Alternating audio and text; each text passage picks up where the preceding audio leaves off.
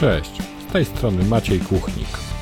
Witam Cię w podcaście Rób WordPressa. Jeśli korzystasz z WordPressa, to na pewno znajdziesz tu coś dla siebie.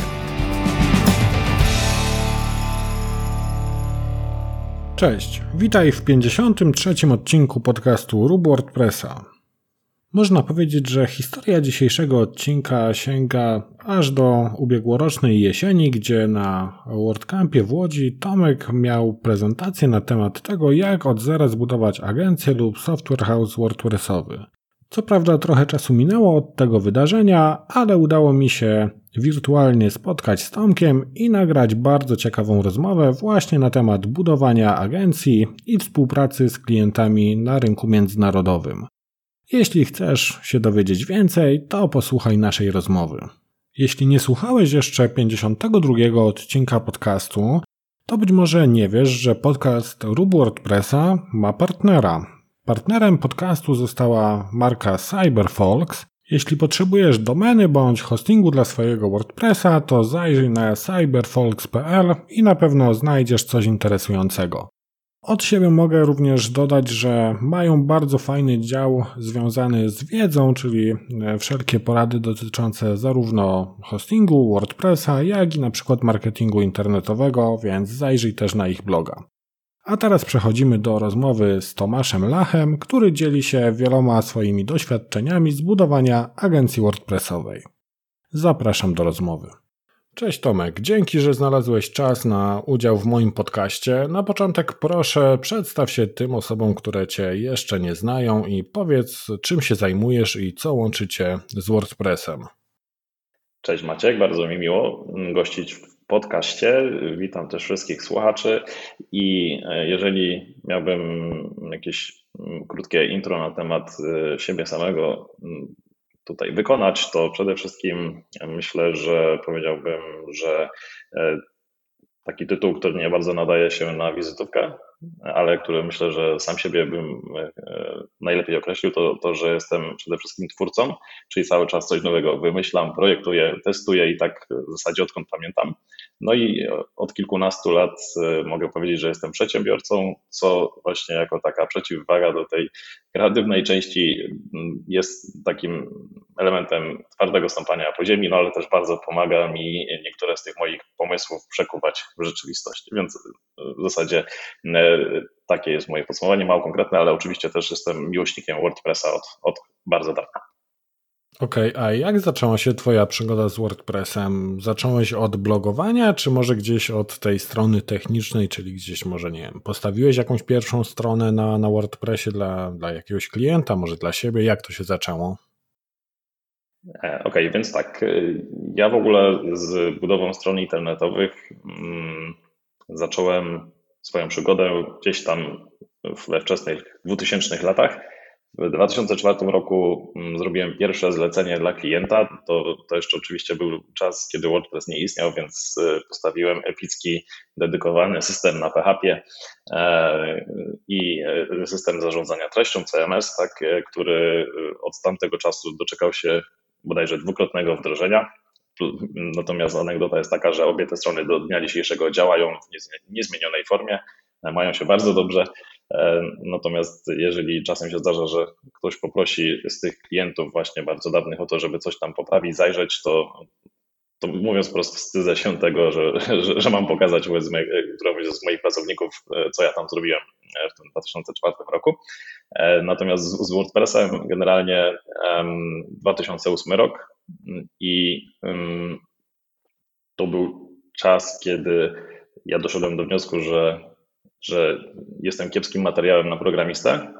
i być może WordPress to będzie jakiś sposób na to, żeby w jakiś łagodny sposób jednak w ten świat developmentu się wdrożyć i zrozumieć to przede wszystkim e, lepiej. Mm, czy, czy na takim poziomie, jaki bym, jakim by, na jakim bym czuł tak naprawdę, że, że faktycznie coś ze mnie będzie jako z tego programisty, który kończy Politechnikę na kierunku informatycznym i tak dalej. E, no i, i w zasadzie tutaj się pojawił WordPress i dodatkowo fakt taki, że nigdy nie lubiłem robić rzeczy, które są po prostu tak do wypróbowania. do odłożenia na półkę, więc, więc mój pomysł był taki, że skoro lubię gotować, bo od zawsze lubiłem gotować, lubię robić zdjęcia, bo też interesowałem się fotografią od zawsze, no i że chciałbym się nauczyć programować, no to wyszło na to, że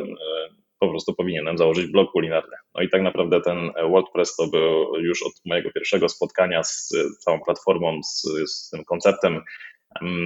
to był sposób na to, żeby uruchomić blok kulinarny i e, w zasadzie tak naprawdę ten blok kulinarny to jest coś, co do dnia dzisiejszego funkcjonuje, jest moim takim e, drugą pracą, można by powiedzieć, e, czy, czy hobby, które bardzo dużo czasu pochłania, ale też bardzo dużo daje w zamian. Mm, i w zasadzie tą drogą mm, idąc okazało się, że moja działalność, nazwijmy to tak, taka na zasadzie pracy tej faktycznej, czy to, tego, z czego się utrzymywałem, to było zawsze właśnie jakieś budowa stron internetowych, natomiast w tamtych czasach na Joomla, na, e, na różnych innych systemach, jeżeli chodzi o choćby o sklepy internetowe, no a ten WordPress to był blog, no ale z czasem oczywiście e, to się wszystko tak potoczyło, że, że, że jesteśmy gdzie jesteśmy, ale może to już na, na, na kolejne pytania zostawimy. No właśnie, bo dzisiaj zaprosiłem Cię po to, żeby pogadać z Tobą troszkę w kontekście e, Twojej prezentacji z ostatniego WordCampa, która gdzieś tam bardzo mi się spodobała i wspominam ją bardzo dobrze. Dziękuję. I dzisiaj właśnie chciałem pogadać z Tobą na, na temat tego, e, jak budowałeś tą firmę, jakie problemy po drodze gdzieś tam się pojawiły. No i przede wszystkim na początku chciałbym zapytać, co było takim impulsem i od czego to wszystko się zaczęło i kiedy postanowiłeś, że ok, to teraz zakładasz firmę i,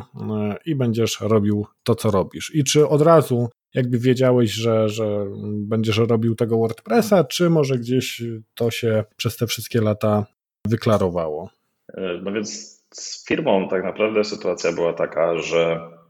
to mm, w związku z tym, że, że wcześniej jeszcze jako student miałem możliwość choćby pracy typowo jako freelancer na umowę o dzieło przykładowo, tak, więc nie miałem takich ograniczeń e, w tamtym czasie, więc tak naprawdę też nie interesowało mnie samo pojęcie takie jak zakładanie firmy, tylko bardziej to, że, że byłem niezależny, że robiłem tak naprawdę to, co w danym momencie ja uznałem, że jest słuszne, albo najciekawsze, albo e, najkorzystniejsze. No ale gdzieś tam no, oczywiście jak, jak już y, kończy się jakiś tam etap w życiu, w moim przypadku to były studia i, i, i konieczność y, tego, żeby w jakiś sposób pewne rzeczy uregulować, czy, czy kończą się takie rzeczy, takie możliwości, jak choćby właśnie mm,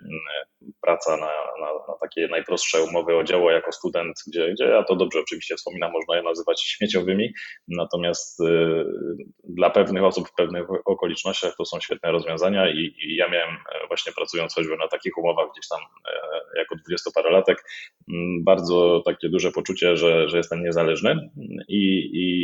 i w zasadzie naturalnym krokiem Kolejnym było to, że żeby e, przede wszystkim tą jakąś niezależność, e, tą możliwość pracy przede wszystkim e, samemu dla siebie i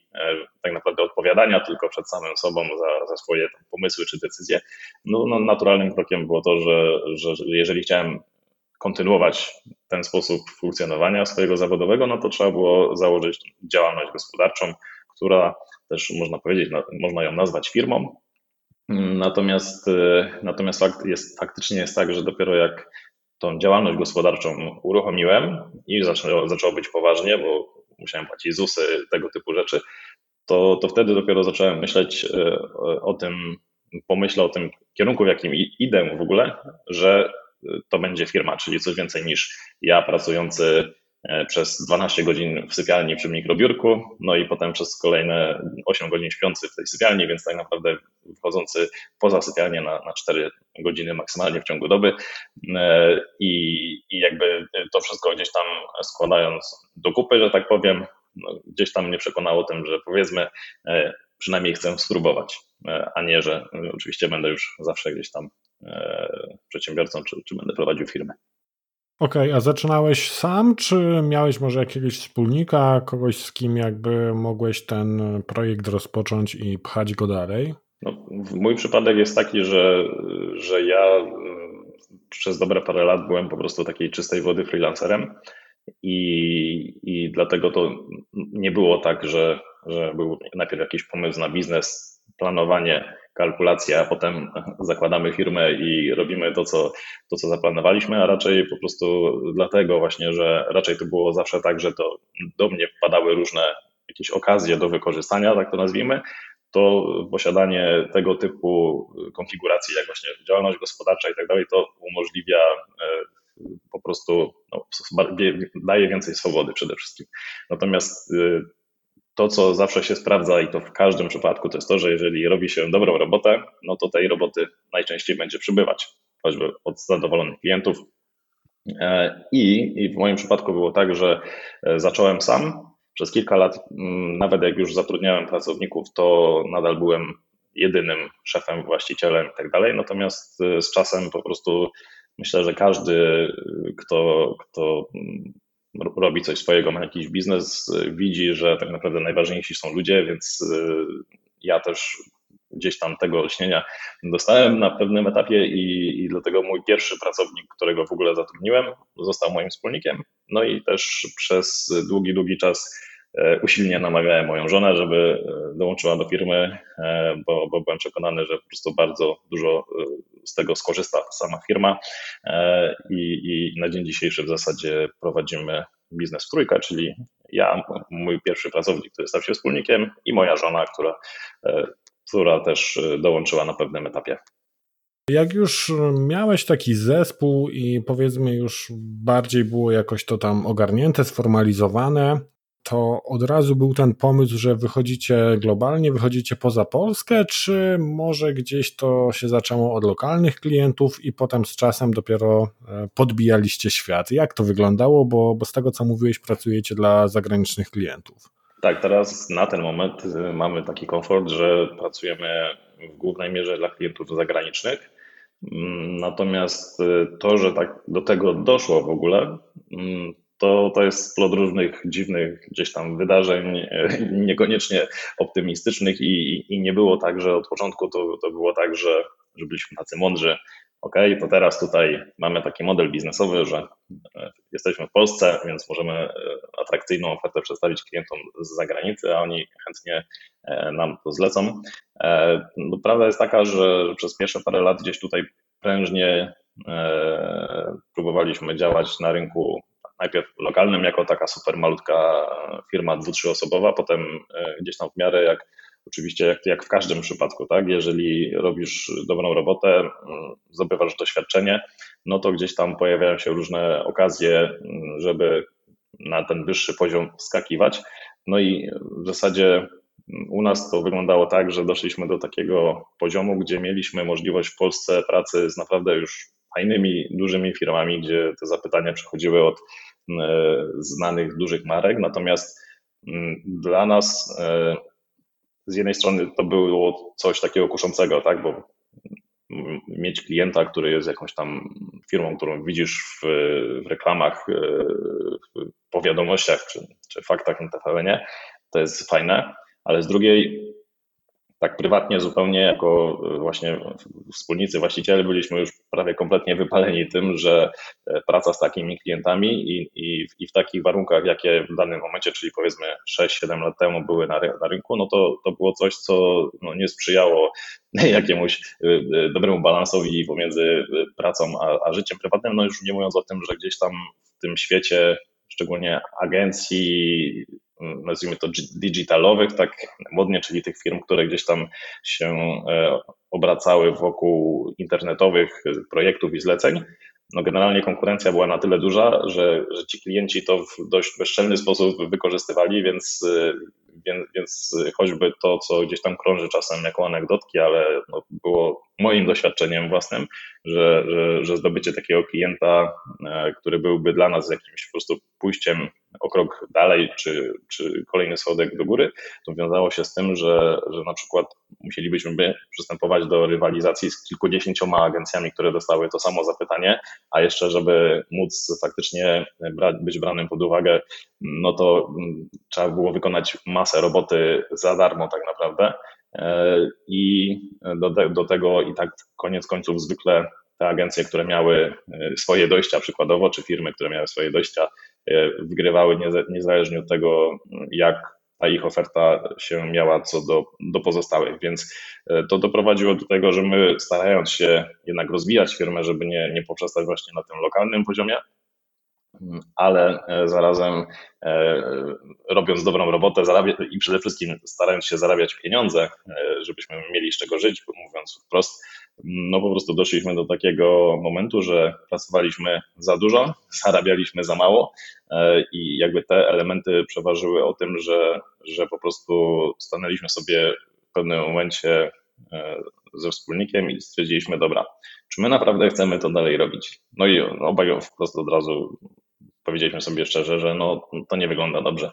Więc pytanie, czy po prostu zamykamy tą firmę i idziemy na etat i po prostu się nie martwimy niczym, wychodzimy o 16 w pracy, zapominamy o tym, co się działo, czy, czy spróbujemy jeszcze coś z tym zrobić. No bo fakt był taki, że rzeczywiście zarówno ja, jak i wspólnik no bardzo, e, bardzo e, lubimy to, co robimy. Więc, jakby to był ten taki wewnętrzny konflikt,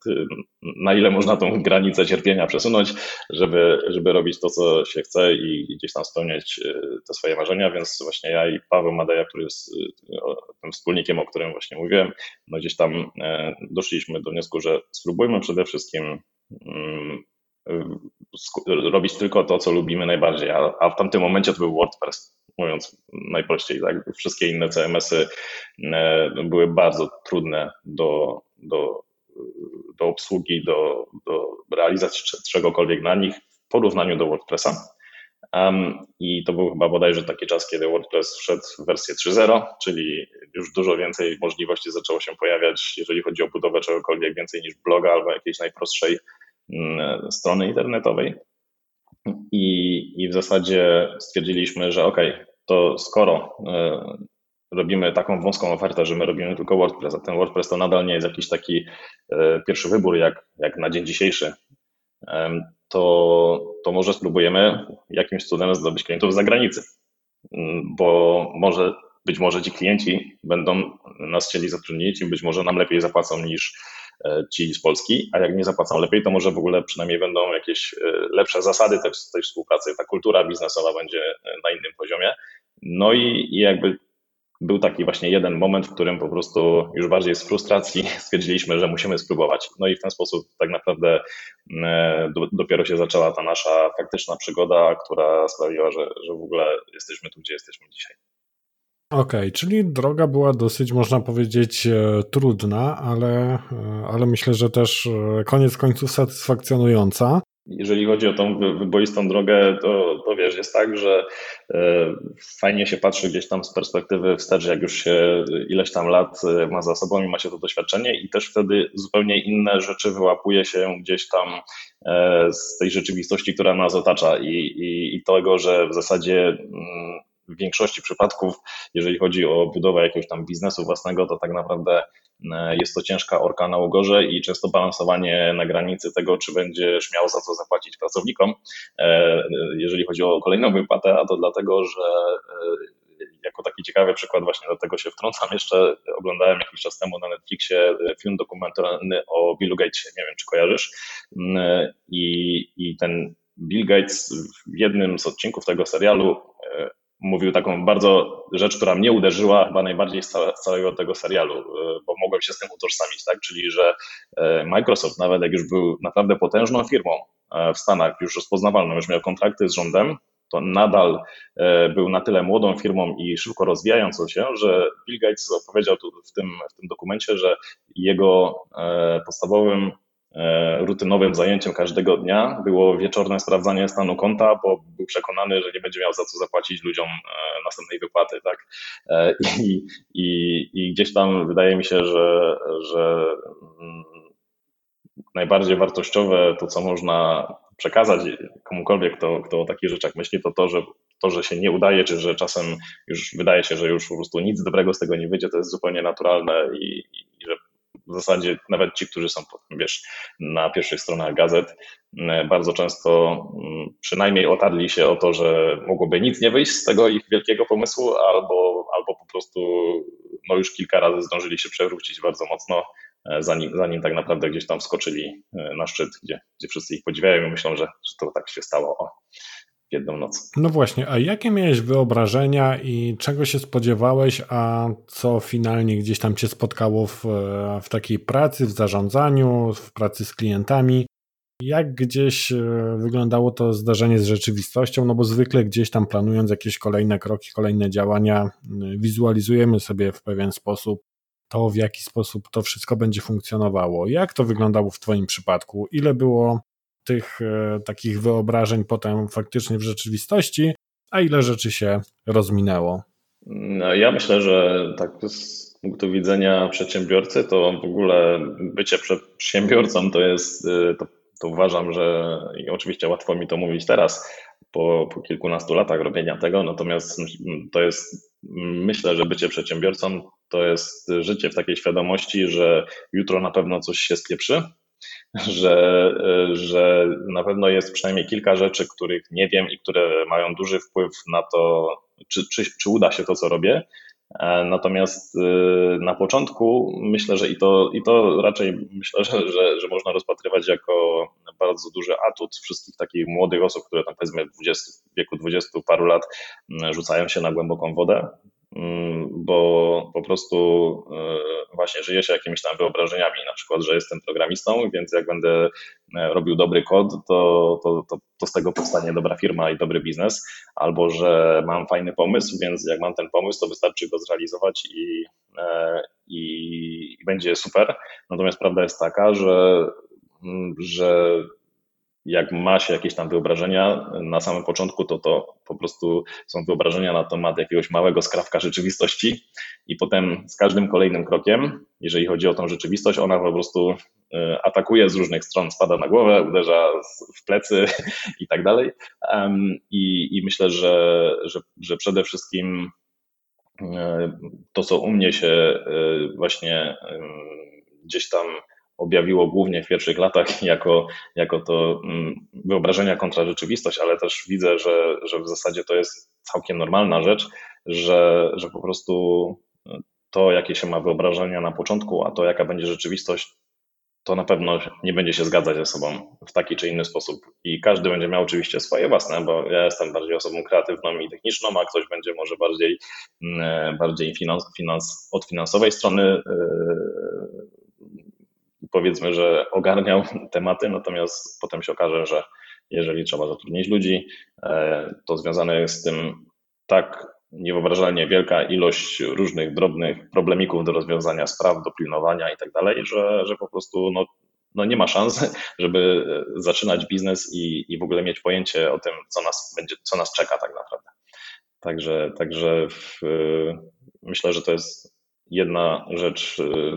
żeby podsumować, to pytanie e, u mnie się to cały czas roz, jakby e, e, rozmija rzeczywistość z oczekiwaniami, natomiast jest to już tak normalne, że, że po prostu wiem, że tak będzie i, i, i myślę, że to jest jedyne, jedyne rozwiązanie w tej sytuacji. Czyli z tym trzeba się nauczyć po prostu żyć i, i wpisać sobie to gdzieś tam w, w taki stały punkt. A co Cię najbardziej zaskoczyło, jakbyś miał gdzieś tam podać taki jeden przykład, nie wiem, czy jakiś obszar, czy konkretną rzecz, co Cię najbardziej zaskoczyło przy budowaniu tej firmy przez te wszystkie lata? Co mnie najbardziej zaskoczyło? Myślę, że myślę, że, że jeżeli miałbym coś takiego naprawdę wskazać, co, co mnie zaskoczyło, bardziej bym powiedział, może nawet nie zaskoczyło, a rozczarowało, że, e, ale to też myślę, że jest bardzo osobnicze e, dla mnie, że, że tak naprawdę no, w biznesie w, czy w budowaniu jakiejkolwiek firmy wydaje mi się, że najważniejsi są ludzie. I, i, i zawsze gdzieś tam w życiu się kierowałem e, taką zasadą, że żeby być przede wszystkim pozytywnie nastawionym, pomocnym, dobrym dla innych, i myślałem, że wtedy, jak to mówią, karma, karma wraca. A tak, a tak nie jest, szczególnie w biznesie, gdzie, gdzie tak naprawdę sama, e, sam fakt tego, że, że chcemy, żeby było dobrze, y, to tak naprawdę niewiele znaczy i, i to też jest ok, tak? Bo, bo każdy tak naprawdę ma swoje własne interesy, więc, y, więc jakby na, na poziomie tak naprawdę tego, że budując jakikolwiek biznes, mówi się często, że przynajmniej ja gdzieś tam wyrastałem w takich stereotypach, że przedsiębiorcy to muszą być tak szuje i tak dalej, bo, bo muszą wykorzystywać ludzi, ale myślę, że, że to działa też w obie strony i że po prostu to, czego ja się musiałem przez to nauczyć, to to, żeby, żeby umieć rozdzielać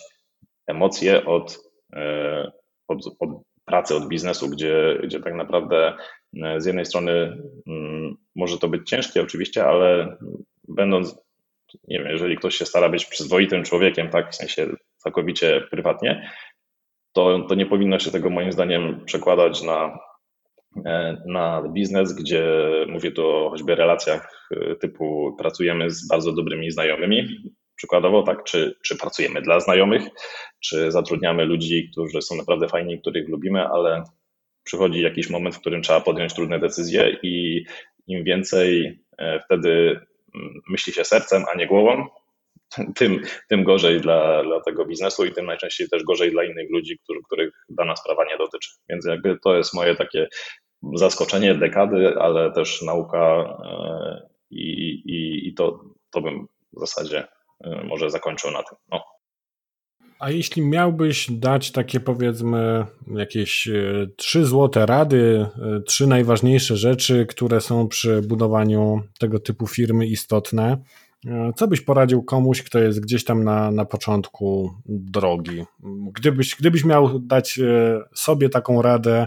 ale te kilka lat wstecz, gdy byłeś na początku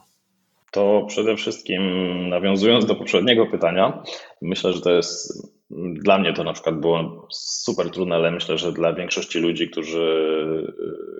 którzy prowadzą własne biznesy albo chcą prowadzić, to też będzie najtrudniejsze, czyli e, zwalniaj szybko ludzi, niestety. Tak? Czyli jeżeli, e, jeżeli ja bym miał wrócić gdzieś tam do początku, to, e, to myślę, że najtrudniejszą rzeczą dlatego że, że wiadomo, że jeżeli ktoś pracuje, utrzymuje się z tego, czy utrzymuje swoją rodzinę, to sam ten fakt już powoduje, że, że, że jest to mega odpowiedzialność e, ciebie jako pracodawcy e, za życie tak naprawdę tej osoby i być może jego bliskich. E, natomiast to generuje bardzo dużo takich sytuacji, kiedy po prostu problemy są nierozwiązywane lub trwają zbyt długo, a to nikomu tak naprawdę nikomu w tej sytuacji nie pomaga. Więc moja taka najtrudniejsza lekcja i najważniejsza rzecz przy, przy, budowaniu jakiegokolwiek typu firmy tak naprawdę to jest to, że jeżeli coś nie działa, to najczęściej nie działa coś na, na, na poziomie ludzi, e, i, a trzeba mieć dobrych ludzi, czy, adek, czy ludzi takich, jakich potrzebujesz, budując biznes wokół siebie. E, I po prostu z tym jest związane to, że no niestety e, nie ma takiej możliwości, żeby w 100% skutecznie gdzieś tam sobie budować zespół. Więc, więc na pewno e, to, co przysporzy dużo problemów, to jest zamiatanie takich rzeczy pod dywan i, i próba przeczekania, czy oczekiwania, że ktoś się zmieni. E, bo, bo być może dana osoba pójdzie do innej pracy i będzie miała naprawdę tam e, warunki i typ pracy taki, który pozwoli jej gdzieś tam kwitnąć, rozwijać się i, i wszyscy będą zadowoleni. E, a drugą taką rzeczą, którą myślę, że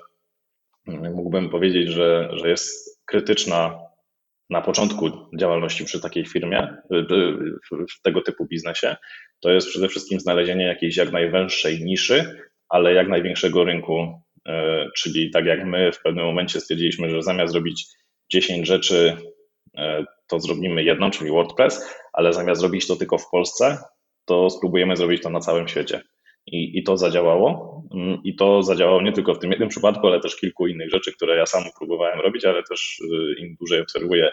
mm, jak e, można zacząć budować firmę, która zacznie jako mała firma i będzie bardzo szybko rosła, to to jest jeden z moim zdaniem absolutnych y, punktów, które powinny być na szczycie listy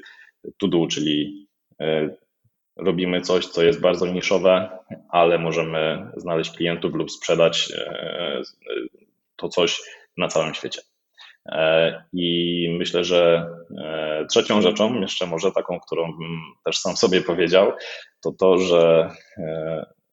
że jako mm, taka firma moda,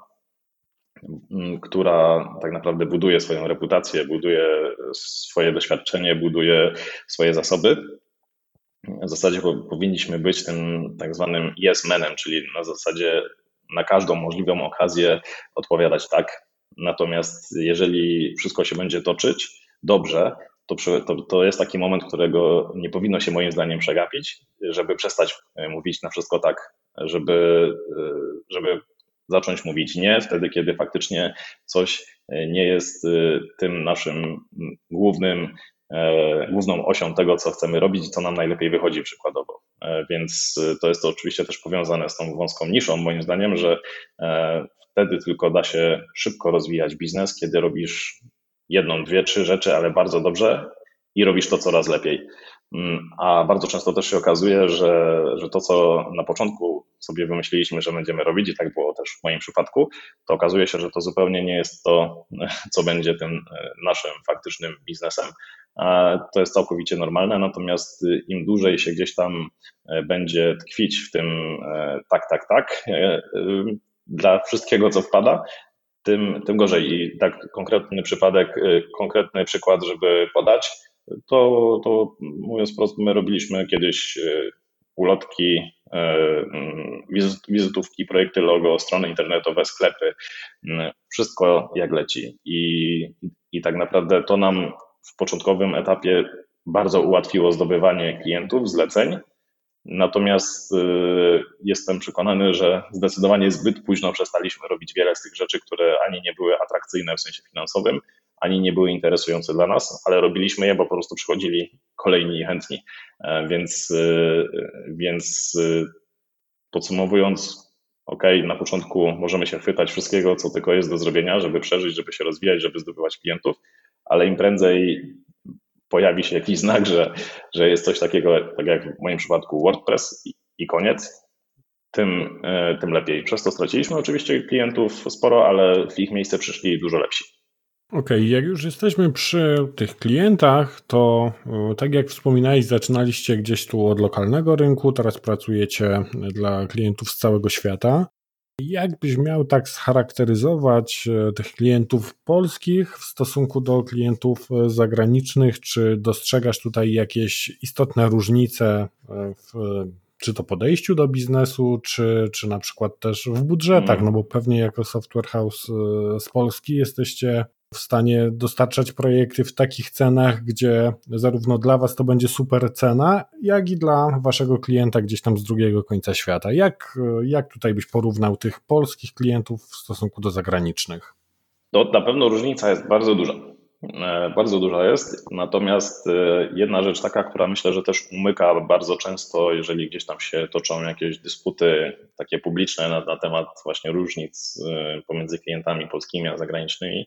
jest taka, że to nie jest tak, że polscy klienci są źli, czy jacyś w ogóle głupi, czy że, że, że, nie wiem, że są sknerami i nie chcą wydawać pieniędzy na dobrych fachowców. Przede wszystkim wydaje mi się, że mm, te różnice zaczynają się mm, wręcz w tym, co gdzieś tam historia tak, mm, dla danego kraju gdzieś tam tak e, przyniosła na przestrzeni nawet ostatnich dekad i dlatego, że, że warunki funkcjonowania takiego klienta polskiego, czyli firmy, która być może w naszym przypadku potrzebuje jakiegoś oprogramowania, czy przykładowo strony internetowej, są też zgoła inne niż firmy, która funkcjonuje w Niemczech czy w Szwajcarii. E, I to jest związane z wszystkim po kolei, tak? Raz, że właśnie z historią, z historią a co za tym idzie, z, z sytuacją gospodarczą w danym kraju, y, gdzie przykładowo Niemcy, Austria, Szwajcaria, USA to są kraje, w których już wszystko jest tak naprawdę ugruntowane, wszystko jest takie już osiadłe y, i, i bardzo ustrukturyzowane, a Polska no jednak jest takim krajem, który nadal mm, powiedzmy, że w, jest w, jeszcze w, rozpędza się tak naprawdę. Tak? My próbujemy gdzieś tam doskoczyć do, mm, do zachodu y, i to powoduje, że, że też zupełnie inna dynamika jest w ogóle wszystkiego, co się dzieje w sferze biznesowej w Polsce. No a to się potem przekłada y, na to, że mm, przykładowo możliwości finansowe klientów, czy, czy podejście do, do inwestowania na przykład w oprogramowanie jest zgoła inne w Polsce niż przykładowo w Niemczech. I, I, idąc dalej tym tropem, to jest tak, że no nie jest tak, że w Polsce są sami Janusze, a, a w Niemczech czy w Szwajcarii to, to w ogóle są sami fajni, w ogóle nowocześni klienci. Bo prawda jest taka, że zarówno u nas tak zwany Janusz, jak i w Niemczech niemiecki odpowiednik to jest przypadek, który, który się spotka i tak, tak, bo głupota jest czymś wspólnym dla całej naszej planety i tutaj e, jakby nie, nie, ma, e, nie ma to znaczenia, w jakim kraju jest klient. Natomiast e, fakt jest taki, że mm, te różnice, które my odczuwamy najbardziej, to przede wszystkim właśnie jest ta mentalność, ta kultura biznesowa, które wynikają mm, po części gdzieś tam z zamożności na przykład y,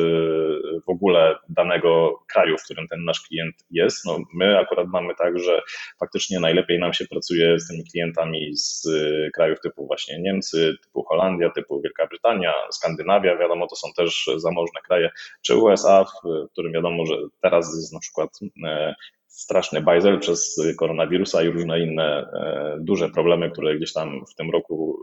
cały ten kraj dotykają i to się też czuje bardzo mocno, jeżeli chodzi o e, pracę, której dla nas praktycznie nie ma od jakiegoś czasu, jeżeli chodzi o, o, o to USA. Natomiast idąc dalej tym tropem, jest tak, że zamożność tych krajów, i to, i to jest coś, co w ogóle wytłumaczył mi E, bardzo obrazowo nasz taki bliski partner, z którym bardzo dużo pracujemy e, ze Szwajcarii, który tłumaczył mi to w ten sposób, czyli jakby z perspektywy takiego zagranicznego klienta, e, że prawda jest taka, że dla nich najmniej istotna może być ta cena, że my jesteśmy tańsi, ale dla nich ważne jest to, że u nich na miejscu jest taki dobrobyt, taki poziom zamożności, że ludziom się nie chce po prostu. I nie chce im się pracować, nie chce im się wysilać, e, bo dlaczego by mieli, skoro nawet jak e, zrobią minimum, czego się od, e, od nich oczekuje, i tak będzie im bardzo dobrze. Więc na przykład różnica jest taka, że dla tego zagranicznego klienta w tym, co my robimy, największą wartość w naszym przypadku stanowi przede wszystkim nasza mentalność, kultura i podejście do pracy, czyli po prostu zasuwamy, tak jak wszyscy w Polsce zasuwają. E, robimy, staramy się robić rzeczy dobrej jakości. E,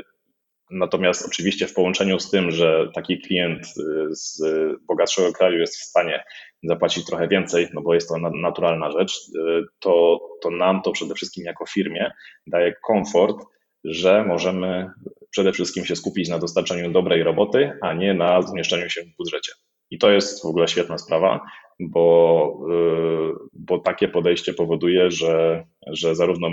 u nas wszyscy są zadowoleni po prostu, kiedy pracujemy nad projektem, który możemy doszlifować na 100%, który, w którym ten termin oddania nie jest jakiś nierealny, albo mamy przynajmniej duży wpływ na to, że, żeby faktycznie ten termin określić. I e, koniec końców my jesteśmy, my możemy dzięki temu pracować bez wielkiego stresu. Klient może dostać e, taką jakość, której, którą byłoby mu bardzo ciężko uzyskać u niego na miejscu. No i oczywiście e, ten aspekt finansowy to jest też coś, czego się nie da pominąć, natomiast to nie, nie jest tak, jak myślę, że większości ludziom się wydaje, że, że ten aspekt finansowy to jest numer jeden. Ja bym powiedział, że to jest na dłuższą metę numer trzy albo cztery. Okej, okay, no fajnie, że tutaj pokazałeś nam to z e, tak różnych stron. A powiedz, w której części świata macie e, największą liczbę klientów? My generalnie przez to, że, że po prostu raczej na tym się skupiamy i też e, jak już gdzieś uda się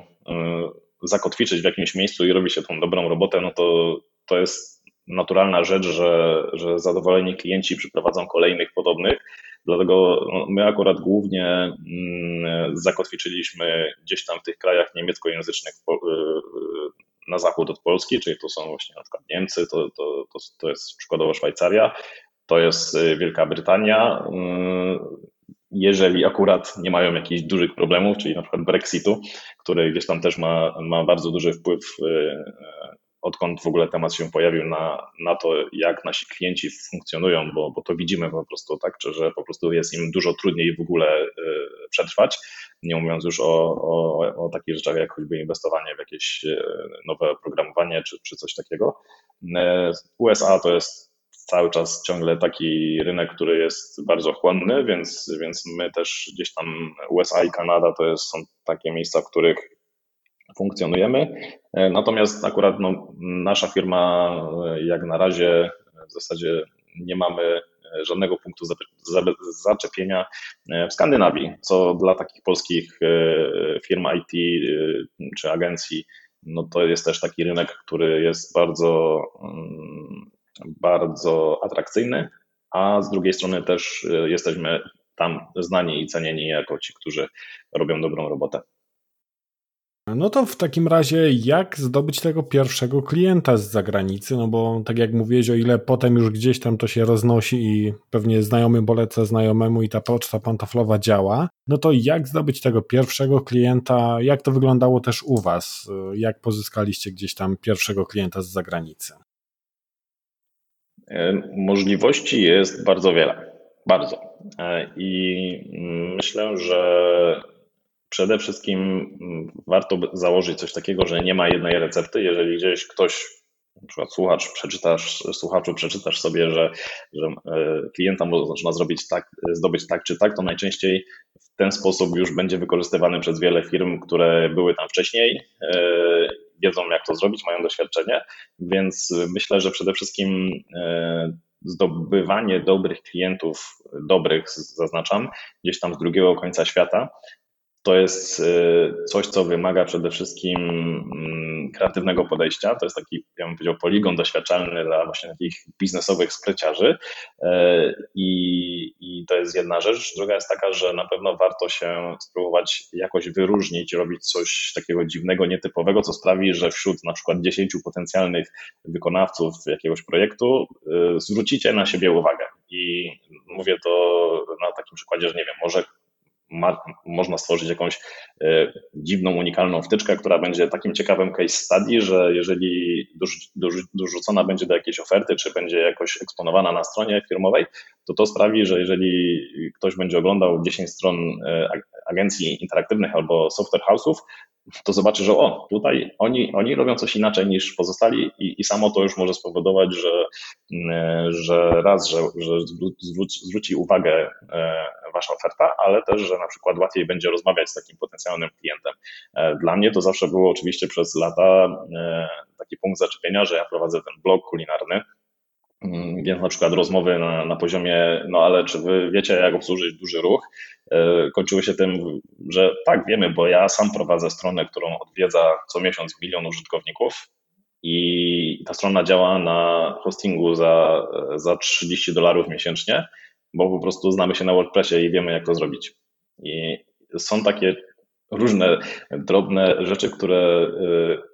fajnie by było znaleźć jako swoją tą taką nerdowską właśnie małą jedną rzecz, która e, zawsze w jakiś sposób pozwoli Was zapamiętać. I, i w ten sposób to może być nawet jakaś właśnie wtyczka. Jest taka bardzo fajna firma e, e, z Hiszpanii, którą od ludzi, których poznałem na WordCampie w Berlinie, którzy zbudowali dużą, chyba 150-osobową agencję wokół tego, że mieli najpierw wtyczkę z kalendarzem do WordPressa. I za każdym razem, jak ktoś od nich coś chciał, e, żeby w tym kalendarzu dobudować, rozbudować e, czy coś takiego, to tak naprawdę dla nich to były zlecenia typowo takie na usługi programistyczne i tak naprawdę w ten sposób e, cała firma z częścią usług programistycznych przerosła w ogóle wielokrotnie ten element, który był tym wyjściowym właśnie takim, nazwijmy to, wyróżnikiem. I, i to przede wszystkim jest robota, którą wydaje mi się, że trzeba wykonać po swojej stronie, czyli zanim w ogóle kogoś spróbujemy namierzyć i, i spróbujemy go przekonać, e, mieć e, po, po, swojej stronie, że tak powiem, tą, tą fasadę tego naszego sklepiku w taki sposób przygotowaną, żeby, żeby wyraźnie wyróżni, wyróżnić się w tłumie, bo firm, które robią coś takiego jest na całym świecie mnóstwo bardzo myślę, że też jest ważne i to jest coś, na co e, ja pytam klientów, dlaczego się na nas zdecydowali. To, to w zdecydowanej większości przypadków jest tak, że mówią, bo na waszej stronie widać, że to nie są zdjęcia ze stoka i ten wasz filmik, w którym pokazujecie wasz zespół i że pracujecie razem, on nie jest jakiś taki idealny, ale właśnie widać, że jesteście fajną, taką prawdziwą ekipą i że się uśmiechacie, że to jest takie szczere. Więc myślę, że dla klienta z drugiego końca świata tak samo ważne będzie to, że jeżeli będzie zaglądał na waszą stronę internetową czy jakieś profile social media, nawet jeżeli będziecie mieli trzech śledzących, ale będą tam zdjęcia Was, Waszego zespołu, to to jest jeden z decydujących czynników, który sprawi, że e, zatrudnią Was, a nie kogoś e, trzy razy tańszego z Wietnamu, czy, czy gdzieś tam z Pakistanu przykładowo, czy nawet tutaj z Europy, kto będzie miał po prostu stronę e, wyglądającą jak template z Team Foresta i nie będzie na niej żadnego zdjęcia, albo będą takie rasowe, stokowe zdjęcia, e, które się pojawiają na co drugiej stronie. E, jak to wszystko już będzie, to, to tak naprawdę o wiele łatwiej będzie, e, że tak powiem, polować na tych klientów i na te zlecenia z drugiego końca świata, bo, bo wtedy e, z taką podstawą w zasadzie możecie próbować robić czegokolwiek, co tylko przyciągnie uwagę potencjalnego klienta. I z, z naszego mm, doświadczenia to było najróżniejsze rzeczy. E, założyłem różne konta na portalach typu e, e, freelancer.com czy coś takiego, tylko po to, żeby spróbować powrzucać jakieś oferty, z których oczywiście nic nie wyszło, ale samo to, że gdzieś tam pojawi się czyjeś logo ktoś w końcu wyszuka Was, wygoogluje. To już, to jest już jeden sposób, oczywiście nie jakiś super efektywny, natomiast działa. E, z jednym z takich sposobów, który gdzieś tam też chyba nawet na WordCampie w Polsce e, przedstawiałem, było to, że e, wyświetlaliśmy reklamy w Google AdWords za granicą, czyli w Holandii czy Niemczech, ale wyświetlaliśmy je po polsku, więc zdarzyło się tak, że klienta, z którym pracowaliśmy przez 3 czy 4 lata, zdobyliśmy w ten sposób, że, e, że jego asystentka, e, bo to był właściciel firmy, czyli asystentka jego, dostała od szefa polecenie, żeby znalazła jakichś dobrych programistów, którzy będą tańsi niż ci w Holandii. No to pani weszła na Google i pisała po polsku, a że była w Holandii, to wyświetliła jej się tylko nasza reklama. I w ten sposób e, trafiła na naszą stronę,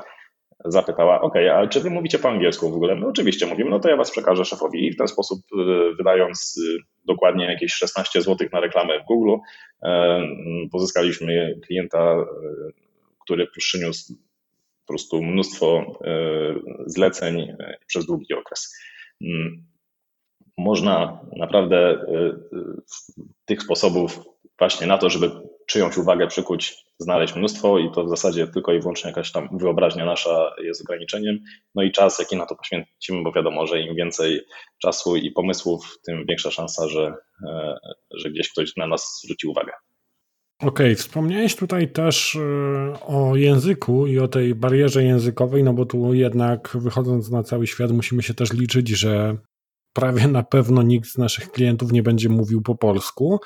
I pytanie, czy tutaj e, na przykład ten język angielski, który można powiedzieć w IT jest takim językiem e, urzędowym, będzie w zupełności wystarczający, czy może warto mieć e, gdzieś w zespole kogoś, kto na przykład mówi po niemiecku, czy, czy w jeszcze jakichś innych, mniej popularnych językach? Jak to oceniasz?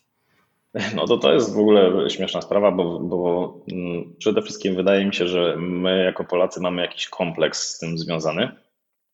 bo, bo w rzeczywistości jest dużo lepiej niż się wszystkim wydaje. Ja to widzę szczególnie, e, jeżeli chodzi o rekrutacje, które ciągle prowadzimy na bieżąco i kiedy rozmawiamy z kandydatami, którzy do pracy na stanowiska deweloperskie mają naprawdę fajne umiejętności, to zawsze widzę e, w momencie, kiedy no dobra, to jak z tym angielskim i wtedy po prostu głowa spuszczona, e, zakłopotane spojrzenie, mm, a prawda jest taka, że, że angielski e, oczywiście jest tym jedynym wystarczającym językiem. To w ogóle nie ma żadnego problemu, bo tych klientów angielskojęzycznych nawet w krajach niemieckojęzycznych jest wystarczająco dużo. E, I szczególnie w tej branży IT tak naprawdę to, to, to, to nie stanowi żadnego problemu. Natomiast problem najczęściej stanowi e, właśnie trochę taki, takie zakompleksienie po naszej stronie, gdzie, gdzie my się z tym spotykamy, że ludziom w Polsce bardzo ciężko jest uwierzyć, że ich angielski czy jakikolwiek inny język jest wystarczająco dobry. bo myślą, że po drugiej stronie będzie siedział native speaker. A prawda jest taka, że, że Niemcy, Francuzi, Skandynawowie, pomimo tego, że, że, że mówią po angielsku, to najczęściej sami kaleczą, najczęściej sam, samym im brakuje e, jakichś tam słówek i to niezależnie od tego, z kim się rozmawia i e, zupełnie e, nie wymagają ani nie odczuwają dyskomfortu przez to, że ktoś nie mówi z jakimś na przykład mocnym akcentem. Co w ogóle jest jeszcze śmieszniejsze dla mnie, to jest to, że dla nas ludzie, z którymi najtrudniej się do, dogadać po angielsku, najczęściej to są, to są Brytyjczycy albo Amerykanie, e, ale z tego powodu, że, e, że po prostu jest tam bardzo duży odsetek osób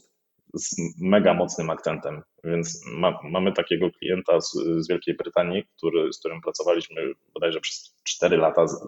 i co tydzień e, status call, taki, gdzie, gdzie na wideo po prostu kilka osób z naszej strony i z ich strony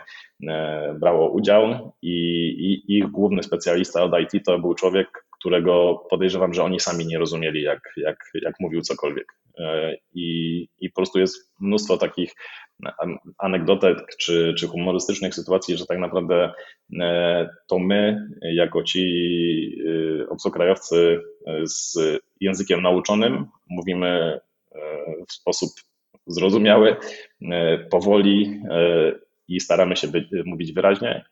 i wszystkim się to podoba. Więc przede wszystkim myślę, że jeżeli chodzi o, e, o, o te języki, to angielski jest wystarczający, jest niezbędny, polski w ogóle nie istnieje, ale y, jedyne, czego bym powiedział, że brakuje tutaj ludziom y, takim jak my, to po prostu trochę odrobiny odwagi i pewności siebie w tym zakresie. Bo nie trzeba wiele, żeby, żeby, żeby po prostu to działało. Okej, okay, to fajnie, że też e, podchodzisz e, do tego w ten sposób i, i fajnie, że, że też to tak wygląda, że, że może bardziej ten diabeł straszny niż, e, niż faktycznie jest to w praktyce. Tak, powiem Ci jeszcze jedną rzecz a propos tego języka, że wręcz jest taka tendencja, szczególnie właśnie wśród Polaków i tutaj Europejczyków z naszej części kontynentu, czyli mówimy o o przykładowo Czechy, Słowacja, czy gdzieś tam jeszcze na południe, jakaś Serbia czy Węgry, że osoby właśnie z, tego, nasze, z tych, tych naszych okolic starają się, być może to jest związane z tym, że nasze języki są takie trudne i rozbudowane, żeby powiedzieć cokolwiek, to trzeba naprawdę użyć wyrafinowanych słów i budować skomplikowane zdania. I potem e, takim jest e, dość śmieszną rzeczą, że, że po prostu my próbujemy e, w jakiś taki, nie wiem, nieświadomy sposób e, używać zbyt mądrych słów niż to konieczne w rozmowie po angielsku. Angielski jest językiem prostym jak cep. E, sami Amerykanie i Anglicy używają najczęściej tylko kilkuset słówek podstawowych i mówią super prostym językiem. Mogą mówić niewyraźnie, ale używają super prostych zwrotów i słów. Natomiast właśnie ci ludzie, e, obcokrajowcy, szczególnie tutaj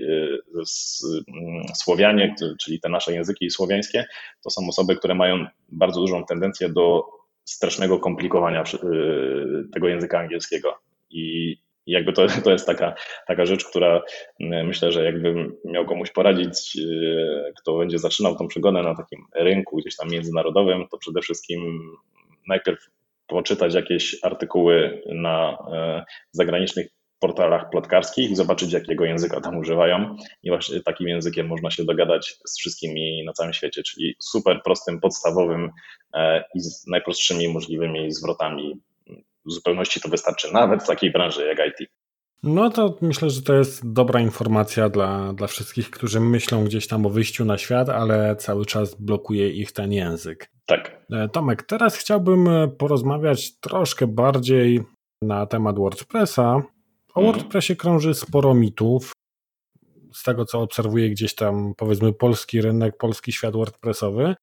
Pytanie, czy wy się też spotykacie z jakimiś takimi mitami, musicie obalać jakieś mity, czy może to są już klienci na tyle świadomi, że przychodzą do was po tego WordPressa i wiedzą, że on jest ok? Jak to wygląda w waszym przypadku? Tak, historycznie to faktycznie było tak, że żebyśmy gdzieś tak 100%, 100 na WordPressa postawili 2014-2015 rok i wtedy zdarzało mi się, że jechałem do klienta do Warszawy na spotkanie i po prostu musiałem tam sześć osób siedzących na sali przekonywać, dlaczego WordPress, a nie, że tam ktoś inny im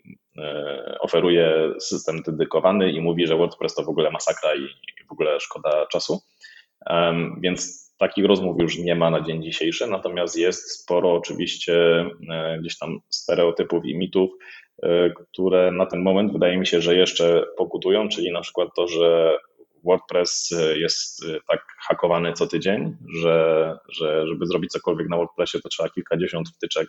a potem to wszystko wolno chodzi i że w ogóle jak ktoś chce mieć na tak naprawdę stronę dla biznesu, czy, czy, czy już nie mówiąc o tym, co my robimy często e, w Bold Dev, czy, czyli że, że, że bierzemy WordPress i używamy WordPressa jako silnika do jakiejś aplikacji najróż, najróżniejszego typu, e, to, to cały czas pokutuje jednak mm, to, że był ten okres, kiedy tych podatności było mnóstwo, kiedy szczególnie ten wysyp motywów i różnych e, takich cudów z Team Foresta, które były no, gdzieś tam w początkowej fazie swojego życia jako produkty, a przez to były super niedopracowane, podatne właśnie na jakieś infekcje i tego typu rzeczy, no to, to stworzyło jednak na tyle dużo takiego czarnego PR-u e, wokół WordPressa, a nie tego, że same te motywy były po prostu e, do bani e, czy wtyczki, że, że z tym jeszcze się spotykamy, tak? I szczególnie jeżeli mm, przychodzi do takiej realizacji, gdzie to ma być jakiś projekt no, troszeczkę większej skali, nad którym będziemy pracować w kilka osób przez kilka miesięcy, no to, to tutaj faktycznie jeszcze, jeszcze krążą te mity, czy WordPress to faktycznie jest rozwiązanie, które pociągnie to, jeżeli chodzi o skalę, czy WordPress to jest rozwiązanie, które będzie na tyle bezpieczne, e, czy WordPress to jest e, rozwiązanie, które będzie dla nas naprawdę takim narzędziem, jakiego potrzebujemy, a nie, że będzie tam 150 innych rzeczy, z których nie korzystamy, a tylko robią bałagan. Więc no, to jest. Myślę, że, że tego będzie coraz mniej, bo jestem bardzo dużym optymistą, jeżeli chodzi o rozwój WordPressa, natomiast moją odpowiedzią taką uniwersalną jest to, że jak wiele innych narzędzi, e, WordPress e, w odpowiednich rękach może posłużyć nawet jako silnik do rakiety kosmicznej, a e, WordPress w rękach amatora po prostu to jest sposób na generowanie problemów. Czyli jak zwykle sprowadza się to wszystko do tego, jak ten WordPress zostanie wdrożony i użyty, i tak naprawdę problem zwykle leży między krzesłem a komputerem, a niekoniecznie po stronie WordPressa. Bardzo w to wierzę, że tak jest właśnie. tak, niestety. A jak organizujecie sobie na co dzień e, taką pracę? Jak wygląda wasz zespół? Jak dzielicie role? I e, pytanie też, czy pracujecie mhm. zdalnie, czy, czy w 100% może gdzieś tam lokalnie z biura? Więc tak, tutaj z nami jest taka sytuacja, że w ogóle firma Mm, funkcjonuje od samego początku, od zawsze w Knurowie, czyli to jest mała miejscowość na Śląsku, bodajże 40 tysięcy mieszkańców,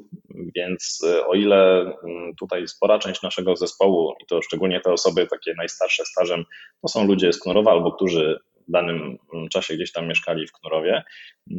to, to dla mnie gdzieś tam od samego początku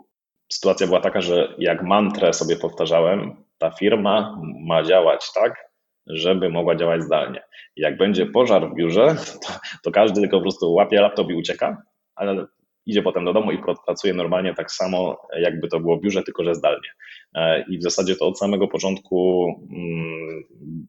taki mieliśmy w zasadzie mm, taką zasadę, że cokolwiek nie próbowaliśmy zrobić, usprawnić czy wprowadzić jakieś nowe narzędzia, to zawsze e, ten nowy pomysł czy ta koncepcja nowa musiała przejść weryfikację. Dobra, ale czy jeżeli będziemy działać w pełni zdalnie, to czy, czy to nam e, to umożliwi, a nawet czy nam pomoże tym, czy będzie to przeszkodą. No i dzięki temu e, faktycznie pomimo tego, że, że jako firma w zasadzie dopiero teraz wchodzimy w taki okres, że gdzie, gdzie ten zespół e, chcemy dość mocno rozbudować i, i, i troszeczkę już odejść od, od tej polityki, że, że raczej preferujemy ludzi, którzy pracują u nas w biurze,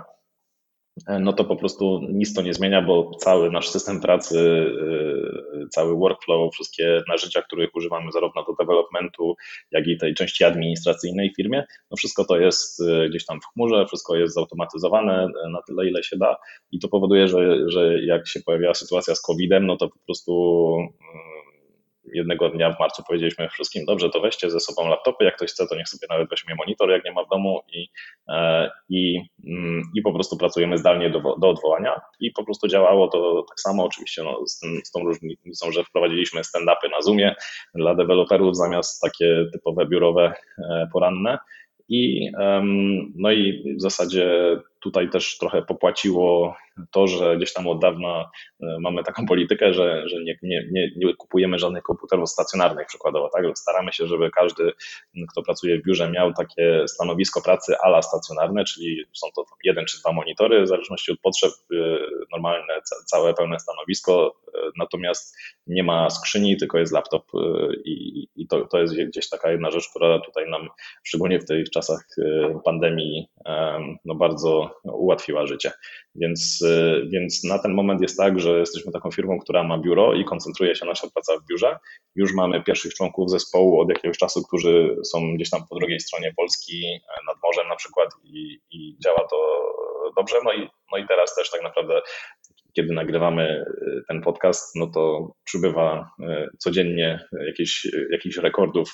nowych infekcji, więc jesteśmy przykładowo też bliscy decyzji, żeby znowu na jakiś czas przenieść się na pracę zdalną. Okej, okay, a w takiej codziennej pracy z WordPressem przy tworzeniu produktów, projektów dla swoich klientów, na ile korzystacie z gotowych rozwiązań, a na ile są to jakieś customowe rzeczy? Czy w ogóle robicie jeszcze coś takiego jak strony bazowane na gotowych motywach, czy raczej to jest wszystko pisane od zera przez Was? Generalnie filozofia nasza jest taka, żeby starać się nie robić mm, niczego dwa razy. Czyli mm, tutaj te motywy czy pluginy jako, jako właśnie jakieś gotowe rozwiązania, to, to jest coś, co tutaj bardzo e, by się wpisywało w to, e, w tą, w tą, e, w tą filozofię. No i też jakby sam, sam WordPress tak naprawdę, tak? Wiemy, że jego gdzieś tam wielkim, wielką wartością dla użytkowników jest to, że można sobie swój projekt poskładać z jakichś istniejących y, kawałków. Mm, I, I też często zdarza się, że, że właśnie dlatego na przykład y, różni klienci sięgają po WordPress, żeby zbudować przykładowo jakąś wczesną wersję swojego produktu czy, czy swojego jakiegoś serwisu internetowego. To jest dla nas też częsty przypadek, że przychodzą klienci i mówią, no to My tu mamy taki startup przykładowo. Na razie e, wiemy, że nie wiemy do końca, co, co to ma być tak naprawdę, ale mamy jakieś tam pierwsze dwa, trzy kroki zaplanowane i myślimy, czy nie zrobić tego na WordPressie jako taki MVP typowy. No i potem, jeżeli się okaże, że faktycznie ten nasz pomysł biznesowy działa, no to my nie wydamy mnóstwa pieniędzy na, na wdrożenie czegoś, co potem i tak będziemy przerabiać, a, a zarazem jak nie wypali, no to, to znowu też nie będziemy przepalać pieniędzy. No i, i wtedy przychodzi często taki pomysł na zasadzie, dobrze, no to tutaj znaleźliśmy sobie taki plugin, taki motyw i czy da się to poskładać. No a wtedy My, my rozmawiamy już e, nad, nad, konkretnym e, przypadkiem, e, czy w ogóle te pomysły, z którymi ktoś przychodzi, są dobre. Natomiast jeżeli mamy sami wpływ na to, jak realizujemy projekt, jak, jak budujemy, jak, czy, czy w ogóle sami my budujemy specyfikację całą dla klienta, i czy nawet jeszcze wcześniej jeden krok, czyli w ogóle klient przychodzi tylko z problemem i my tak naprawdę e, całą koncepcję tworzymy, e, zaczynając od jakiegoś krótkiego opisu problemu, no to wtedy staramy się korzystać z naszych własnych e, gotowców, nazwijmy to tak, czyli przykładowo, jeżeli chodzi o, o tą warstwę wizualną, no to mamy swój taki wypracowany od kilku lat tak zwany motyw startowy, który jest po prostu całym zbiorem już jakichś tam komponentów, jakichś e, bibliotek, e, ale też całej masy dokumentacji, którą mamy tutaj wewnętrznie w firmie, po to, żeby e, takie bardziej kompleksowe projekty, ale też te mniejsze, móc zaczynać z tą samą bazą. A dzięki temu i, i temu, że mamy jakieś tam swoje właśnie różne praktyki i tak dalej, i tak dalej, mm, idea jest taka, że ta nasza e, baza gotowych rozwiązań e, sprowadza się do tego, że jeżeli mamy zespół w tej chwili około 10 deweloperów e, i jest potrzeba, żeby kogoś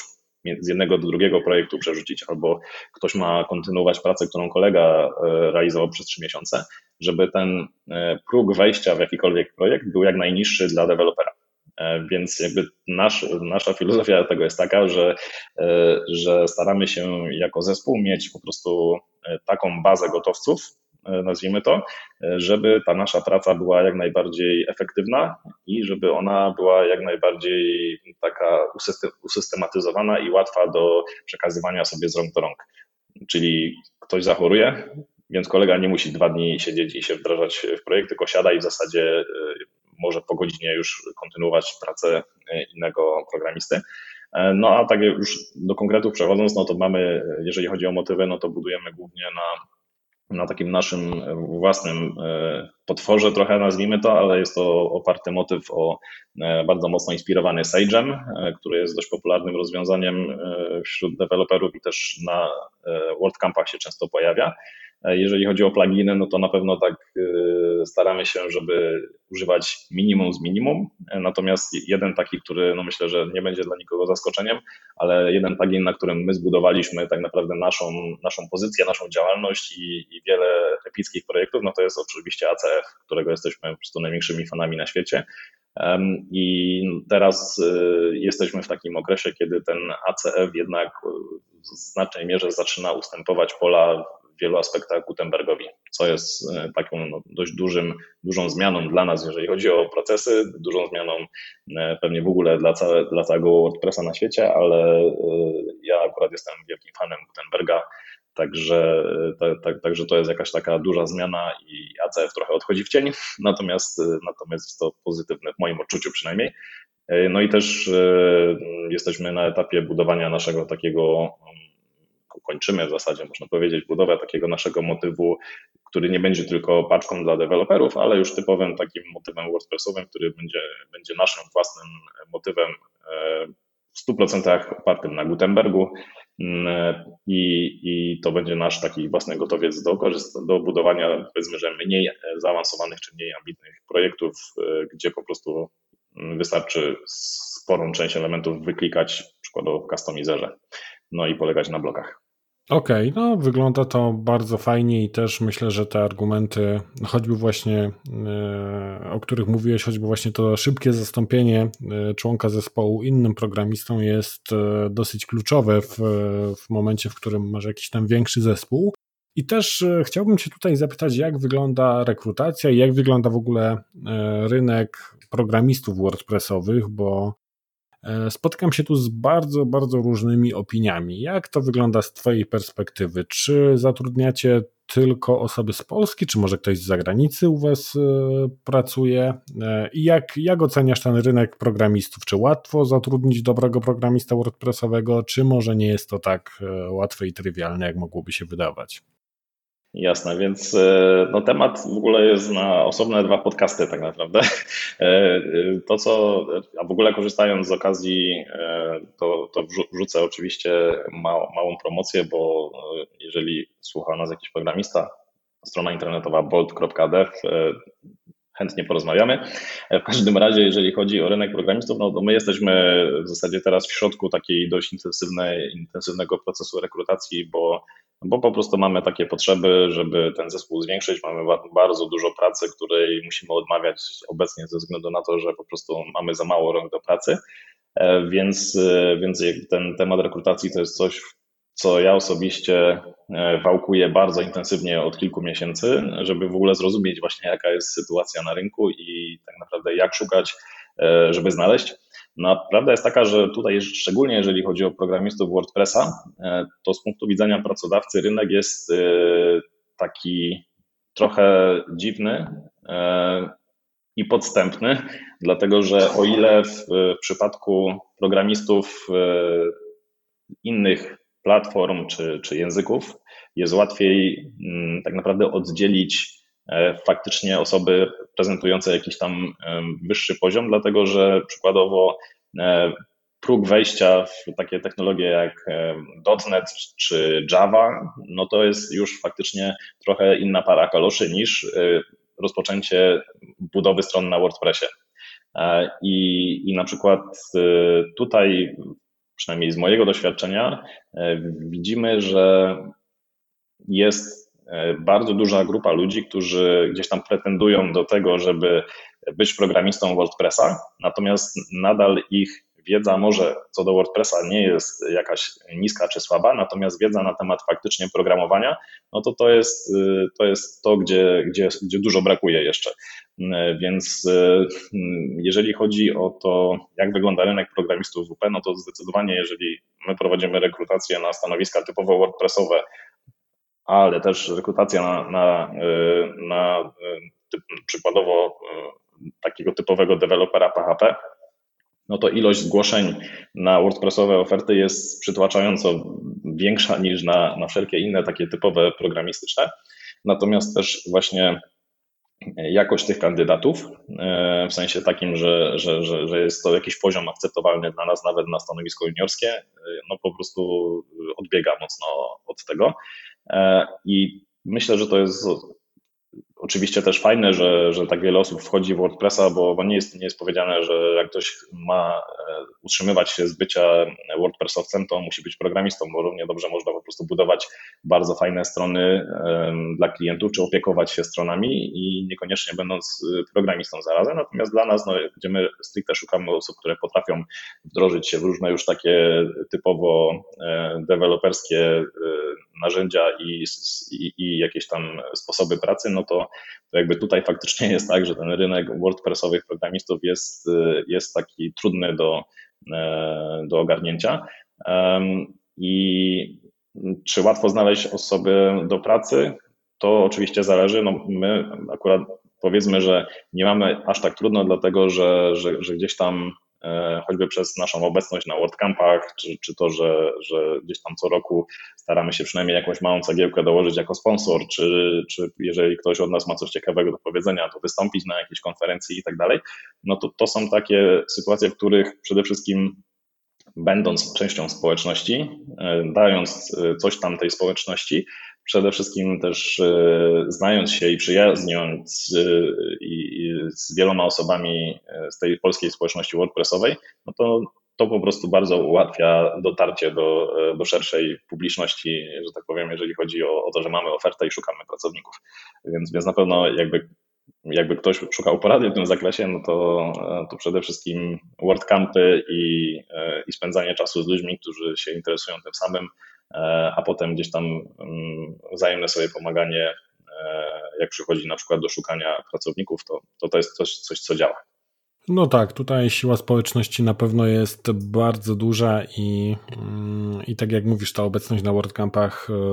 pozwala też gdzieś tam nawet poznać to środowisko i poznać konkretnych ludzi, z którymi potem można współpracować. Tutaj jedno z ostatnich pytań, jakie chciałbym Ci dzisiaj zadać, e, to jest to, jak podchodzicie na przykład e, do takiego tematu jak utrzymanie stron klientów. Czy klienci chętnie płacą za utrzymanie, za jakąś taką administrację tymi stronami, czy może robicie to na zasadzie, że po prostu płacą Wam za jakieś tam konkretne wykonane działania, a może ogarniają sobie to gdzieś tam po, po swojej stronie. No bo często takim problemem jest to, że klient zapłaci za wykonane zlecenie i potem już niekoniecznie chce wydawać pieniądze na to, aby e, ta strona była odpowiednio utrzymywana przez e, cały okres jej funkcjonowania. Jak tutaj to wygląda w e, przypadku Waszych klientów, szczególnie tych zagranicznych? Tutaj mm, generalnie sytuacja jest taka mm, z mojego doświadczenia, że to nie ma zbytniego znaczenia, czy klient jest w Polsce, czy za granicą. Raczej, a, a co więcej, jeszcze ten temat takiej opieki, czy wsparcia technicznego, czy supportu stron, to jest coś, czemu też my poświęciliśmy bardzo dużo uwagi i jest to jakaś tam też część naszej oferty, część y, usług, które świadczymy. I tutaj przede wszystkim wydaje mi się, że, że jest jeden bardzo duży problem na rynku, że mm, w Polsce to też jest widoczne, ale tak samo i za granicą, że, że jest wiele firm, które oferuje te usługi wsparcia za e, tak niskie kwoty, e, że po prostu nie ma możliwości, żeby takim klientem zająć się tak dobrze, żeby ten klient czuł, że, że, że wie za co płaci. to jest może trochę zawiłe, co mówię, ale sprowadza się to do tego, że przykładowo, jeżeli klient e, przykładowo płaci za utrzymanie 80 zł miesięcznie, czy tam, nie wiem, 60 dolarów, czy, czy, czy 200 zł miesięcznie, no to pytanie, czego ten klient w zamian za to oczekuje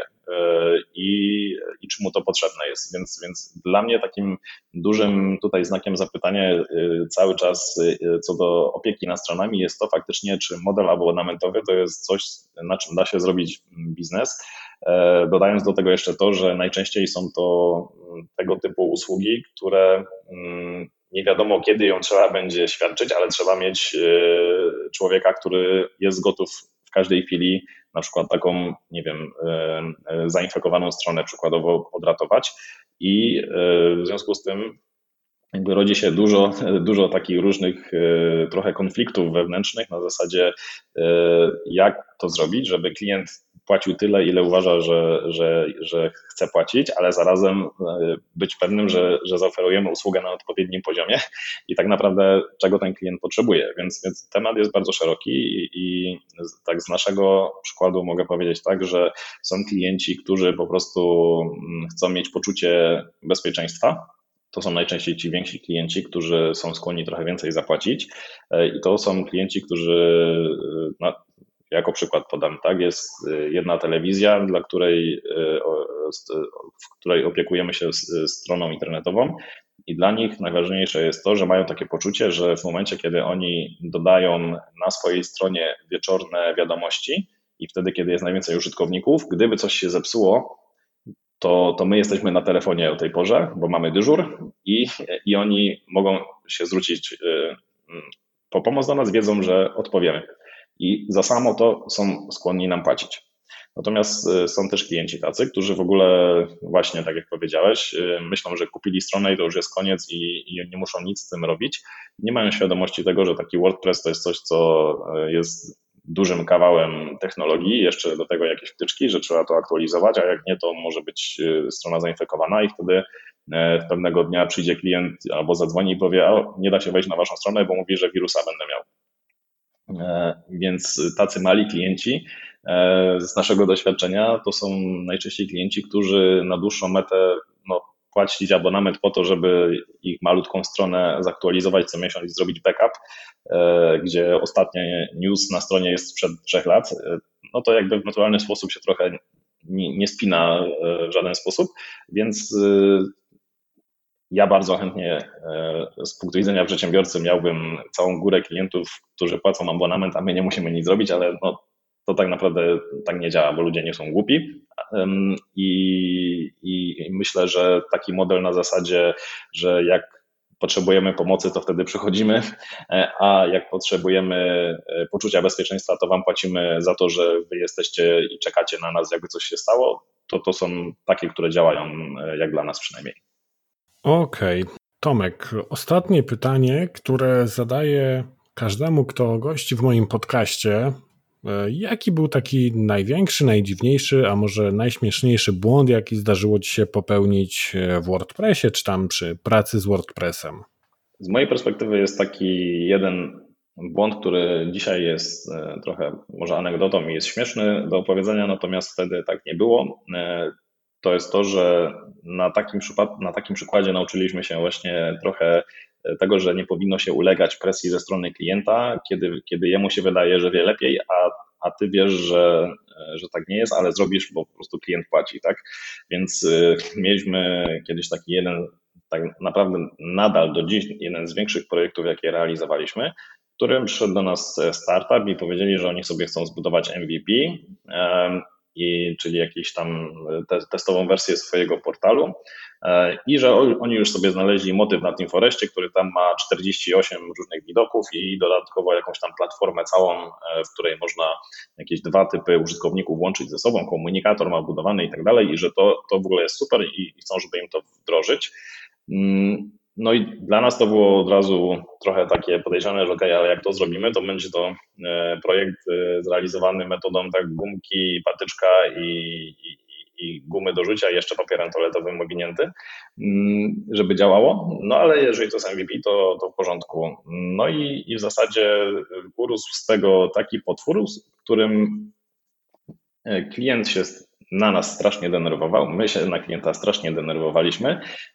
Ten motyw w zasadzie w ciągu kilku miesięcy, z którym oni do nas przyszli i wszystko inne zostało tak naprawdę przepisane od nowa, ale pisane cały czas tak, że, że i tak musiało być dokładane do tego, co, co było tym początkiem. I, I generalnie sami siebie wpakowaliśmy w taką pułapkę, że, że po prostu był taki moment, kiedy my już mieliśmy tego projektu i tego klienta tak bardzo dosyć, a zarazem on y, też już miał nas dosyć y, ze względu na to, ile, ile różnych rzeczy gdzieś tam wychodziło, po prostu, żeby, żeby to posklejać wszystko do kupy, że że po prostu jedynym rozwiązaniem było powiedzenie, sobie, dobra, teraz się rozchodzimy i po prostu z wielką ulgą e, my po prostu zarzuciliśmy ten intratny e, projekt e, i przejęli go bodajże nawet jacyś tutaj ludzie z WordPressowcy z Polski, których znamy, znamy, podejrzewam, że pewnie musieli zbudować to od nowa. Także, także taki naj, największy błąd, jaki popełniliśmy jako firma w ogóle, to że po prostu daliśmy sobie wcisnąć robienie czegoś, co, co już wiedzieliśmy od początku, że, że to nie jest najlepszy pomysł. Okej, okay, no myślę, że jest to też e, bardzo taka istotna informacja, bo faktycznie zdarza się czasem, że e, gdzieś tam ulegając klientowi, zgadzając się na jakieś tam jego warunki, czasem możemy się e, wsadzić na, przysłowio, na przysłowiową minę. Także też gdzieś tam w swojej historii mam tego typu projekt, gdzie się męczyłem z jakimś tam gotowcem, a finalnie pewnie szybciej i taniej byłoby to zrobić od podstaw, jak spojrzeliśmy na to mm. wszystko już e, gdzieś tam przy końcowym etapie, no ale e, takie wnioski były dopiero gdzieś tam na końcu i i klient też doszedł do wniosku, że może niekoniecznie to, że uparł się na ten gotowy motyw, to to była dobra decyzja, no ale e, no, to jest zawsze jakieś tam doświadczenie, które może zaprocentować w przyszłości i, i pewnie i ja i ty nie, nie będziemy tak. brali tego typu projektów w przyszłości. Tak, tutaj z, z tego, o czym opowiadałem, to oczywiście nie mogę zdradzać nazwy czy, czy imion, natomiast jeszcze jest taka dodatkowa anegdota, że, że ten projekt jak się rozrasta, my gdzieś tam e, korzystaliśmy z pomocy właśnie znajomego, poznanego na WordCampie e, i, i który nam jedno, jeden element tego projektu dla nas e, realizował, natomiast w związku z tym, że było to presja czasu, presja budżetu i tak dalej, to umówiliśmy się tak, że, że to, co on dla nas zrobi, to zachowa prawa do tego kodu, z czym tam klient był zupełnie ok. No i, i jakby okazało się, że takim zupełnym rykoszetem z całej tej sytuacji ten nasz znajomy z WordCampu, z WordCampu e, na bazie tego, co przygotował na potrzeby tego projektu, zbudował naprawdę świetny kawał wtyczki WordPressowej, na której teraz opiera całą swoją firmę i, i, i korzystają z tego ludzie na całym świecie, więc różne, różne e, rzeczy nawet z, z tych złych doświadczeń mogą wyjść czasem dobre, tak żeby optymistycznie zakończyć. Super. Tomek, bardzo Ci dziękuję, że podzieliłeś się tutaj ogromem wiedzy i doświadczenia z tych wszystkich lat, gdzie budowałeś tą firmę. Myślę, że dla słuchaczy będzie to e, ogromna dawka bezcennej wiedzy, bo takiej wiedzy zdobytej w praktyce, a nie przeczytanej gdzieś tam w książkach czy w internecie. Na koniec proszę powiedz jeszcze, gdzie można Cię znaleźć, zarówno w internecie, jak i może gdzieś tam w realnym świecie. Pewnie na WordCampie, jeśli już to wszystko ruszy. Tak, nie mogę się doczekać, kiedy jakiś WordCamp znowu będzie, bo, bo to jest w zasadzie jedyny taki mm, punkt w kalendarzu, który zawsze co roku staram się mieć zaklepany, jak tylko jest już ustalony termin i nic e, nie ma szans z tym konkurować. Więc mam nadzieję, że do zobaczenia e, przyszłym roku najpóźniej na, na jakimś e, fajnym WordCampie, gdziekolwiek on nie będzie w Polsce. Mnie e, najprościej możecie znaleźć po prostu wstukując e, w przeglądarce bold.dev, to jest nasza strona internetowa. Do tej pory funkcjonowaliśmy jako WP Search, ale zmieniliśmy nazwę z różnych powodów, raczej samych dobrych, pozytywnych. I jeżeli chodzi o tak już całkowicie prywatnie, no to na Facebooku czy Instagramie Tomek Lach najczęściej traficie gdzieś tam na pewnie zdjęcia mojego jedzenia, natomiast, y, natomiast spokojnie można mnie złapać zarówno właśnie jak i na, na Facebooku, jak i na Instagramie I jakby ktokolwiek miał jakieś pytania, czy chciał jakiś temat rozwinąć, to, to bardzo chętnie zapraszam do dyskusji i dziękuję w ogóle za, za to, że jak ktoś słucha jeszcze, to że tak, tak dużo czasu poświęcił na, na naszą rozmowę. Bardzo mi miło. Super. E, dzięki wielkie e, i myślę, że jeszcze kiedyś się spotkamy w podcaście. Do usłyszenia. Cześć. Do usłyszenia. Cześć.